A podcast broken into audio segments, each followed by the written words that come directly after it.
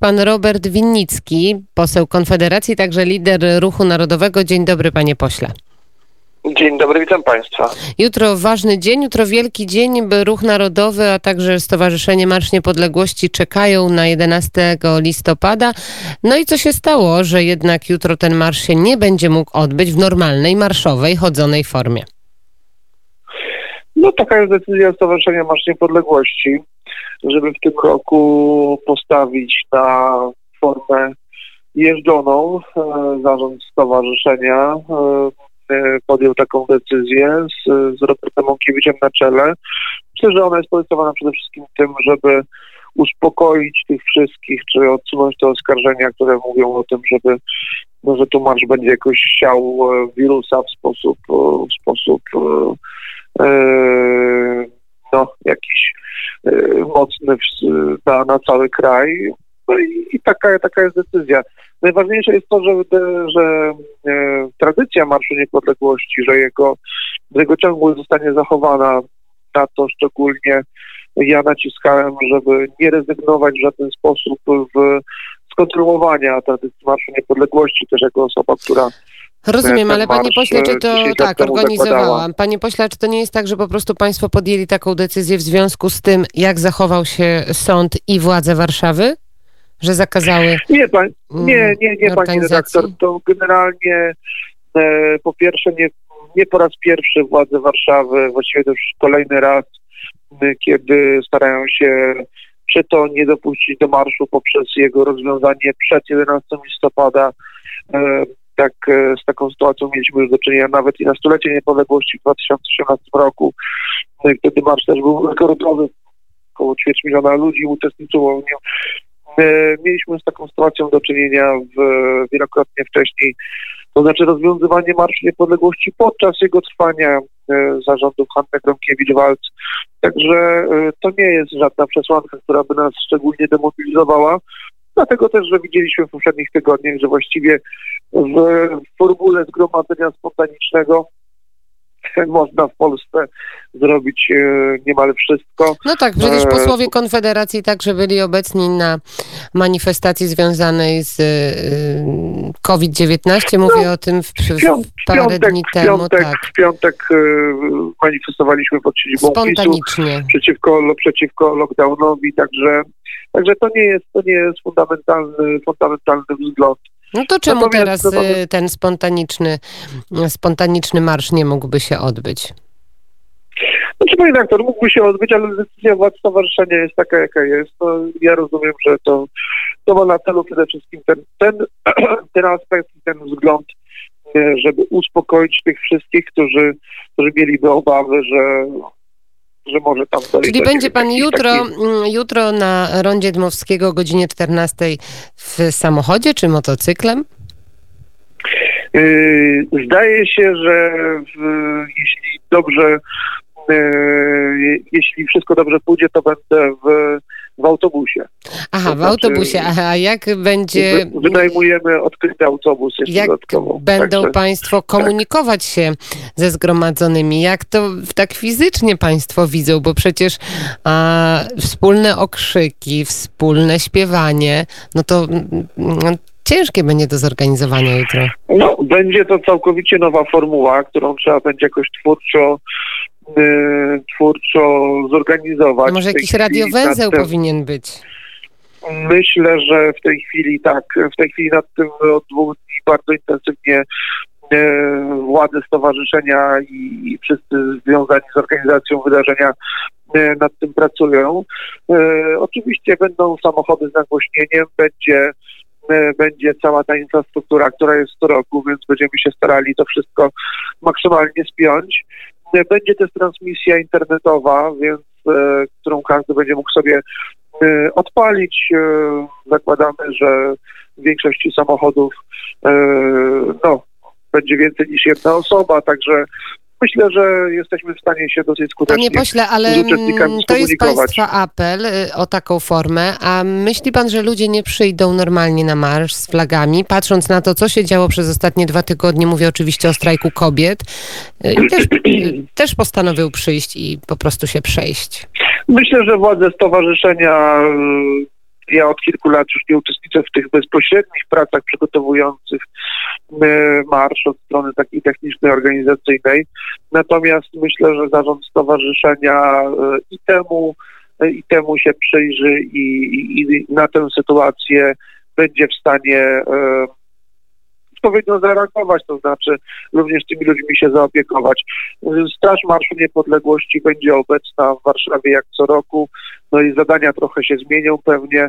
E, wiemy, że większa grupa też motocyklistów z rajdu katyńskiego się wybiera w tym roku, także no, e, będzie dla nas wszystkich ta ta zmieniona formuła pewną, e, czy ta łączona formuła będzie pewną niespodzianką, e, ale myślę, że, że będzie to ciekawe doświadczenie tak czy inaczej. Panie pośle, i pytanie o wypowiedź mm, ambasador Stanów Zjednoczonych w Polsce, panią Georgette Mosbacher. Joe Biden jest prezydentem elekt, elektem. Jak pan to może tłumaczyć? Bo przed chwilą mieliśmy korespondencję z kolei ze Stanów Zjednoczonych, że jeszcze nic nie jest przesądzone. No nic nie jest przesądzone pod względem takim prawno-sądowym. E, wydaje się jednak, że mimo iż w Stanach Zjednoczonych mamy do czynienia z, nie tylko ze skomplikowanym systemem wyborczym, ale systemem oddawania i zliczania głosów w skali poszczególnych stanów, który jest po prostu anachroniczny i przestarzały i, i niespójny w, w skali e, całego kraju, no to wydaje się jednak, że e, mimo protestów, mimo skarg, mimo realnych nieprawidłowości, które na przykład w Michigan miały, e, miały miejsce, bo tam słyszeliśmy o tym, że 6 tysięcy głosów potrafiło powędrować od Trumpa do Bidena w systemie zliczania tych głosów. E, czy mamy takie, takie informacje o tym, że pakiety wyborcze trafiały do domów, w których okazywało się, że są adresowane na ludzi, którzy już dawno nie żyją. No to mimo tych wszystkich rzeczy Wydaje się, że ta liczba głosów elektorskich przewagi, jaką ma Joe Biden na tę chwilę, e, jednak sprawi, że to on zostanie prezydentem Stanów Zjednoczonych. Tak, no, co pan kontekście... sądzi o kandydatce na wiceprezydenta, pierwszej kobiecie w Stanach Zjednoczonych, o Kamali Harris? No trzeba powiedzieć, że o ile Joe Biden reprezentuje taki mainstream amerykańskiej polityki, oczywiście wychylony na lewo, demokratyczny, czyli, czyli na lewo wychylony. E, republikanie najczęściej bardziej na prawo są wychyleni.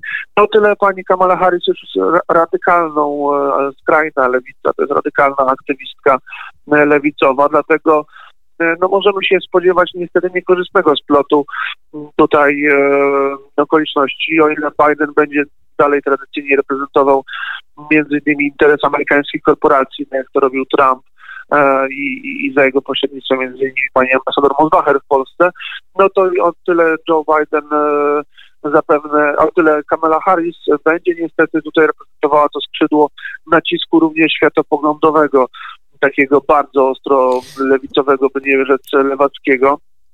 Pośle, Myślę, że to ani dla świata, ani dla Polski nie są dobre informacje. To skupmy się jeszcze na tym, co w Polsce wyrok Trybunału Konstytucyjnego mimo daty 2 listopada nie został opublikowany. Dlaczego tak się stało? W co gra Prawo i Sprawiedliwość? No, to jest złamanie prawa. To jest tak naprawdę, e, to jest tak naprawdę e, próba jakiejś politycznej, e, politycznej przepychanki na gruncie konstytucji, która mówi jasno. E, po pierwsze mówi o e, ochronie życia ludzkiego, jaki powinna zapewnić Rzeczpospolita każdemu człowiekowi, a po drugie konstytucja mówi jasno, że no, pan premier nie ma prawa do tego, żeby przytrzymywać orzeczenia Trybunału. Jego rolą jest wyłącznie mm, je wykonać, to znaczy opublikować. Nie wiem, ku czemu zmierza ta, ta cała przepychanka, tym bardziej, że no, jest ta propozycja legislacyjna pana prezydenta, ale ona nie ma po pierwsze umocowania konstytucyjnego w świetle zwłaszcza ostatniego wyroku, a po drugie wydaje się, że nie ma dla niej większości w parlamencie.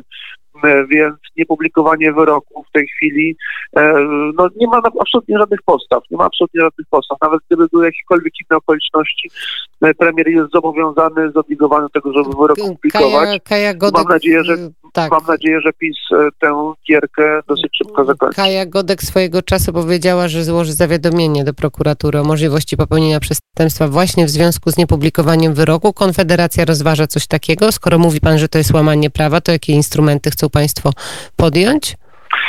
Znaczy, mm, e, jak wiemy, z niepublikowaniem wyroków mieliśmy już do czynienia za poprzedniej kadencji w, przez premierę Beatę Szydło, i to żadnego finału na drodze prokuratury czy, czy, czy, czy, e, czy sądowej nie znalazło. Natomiast no, pan premier naraża się na odpowiedzialność, moim zdaniem, co najmniej e, taką rangi konstytucyjnej, politycznej. Ale żadnych kroków e, prawnych państwo nie będą podejmować.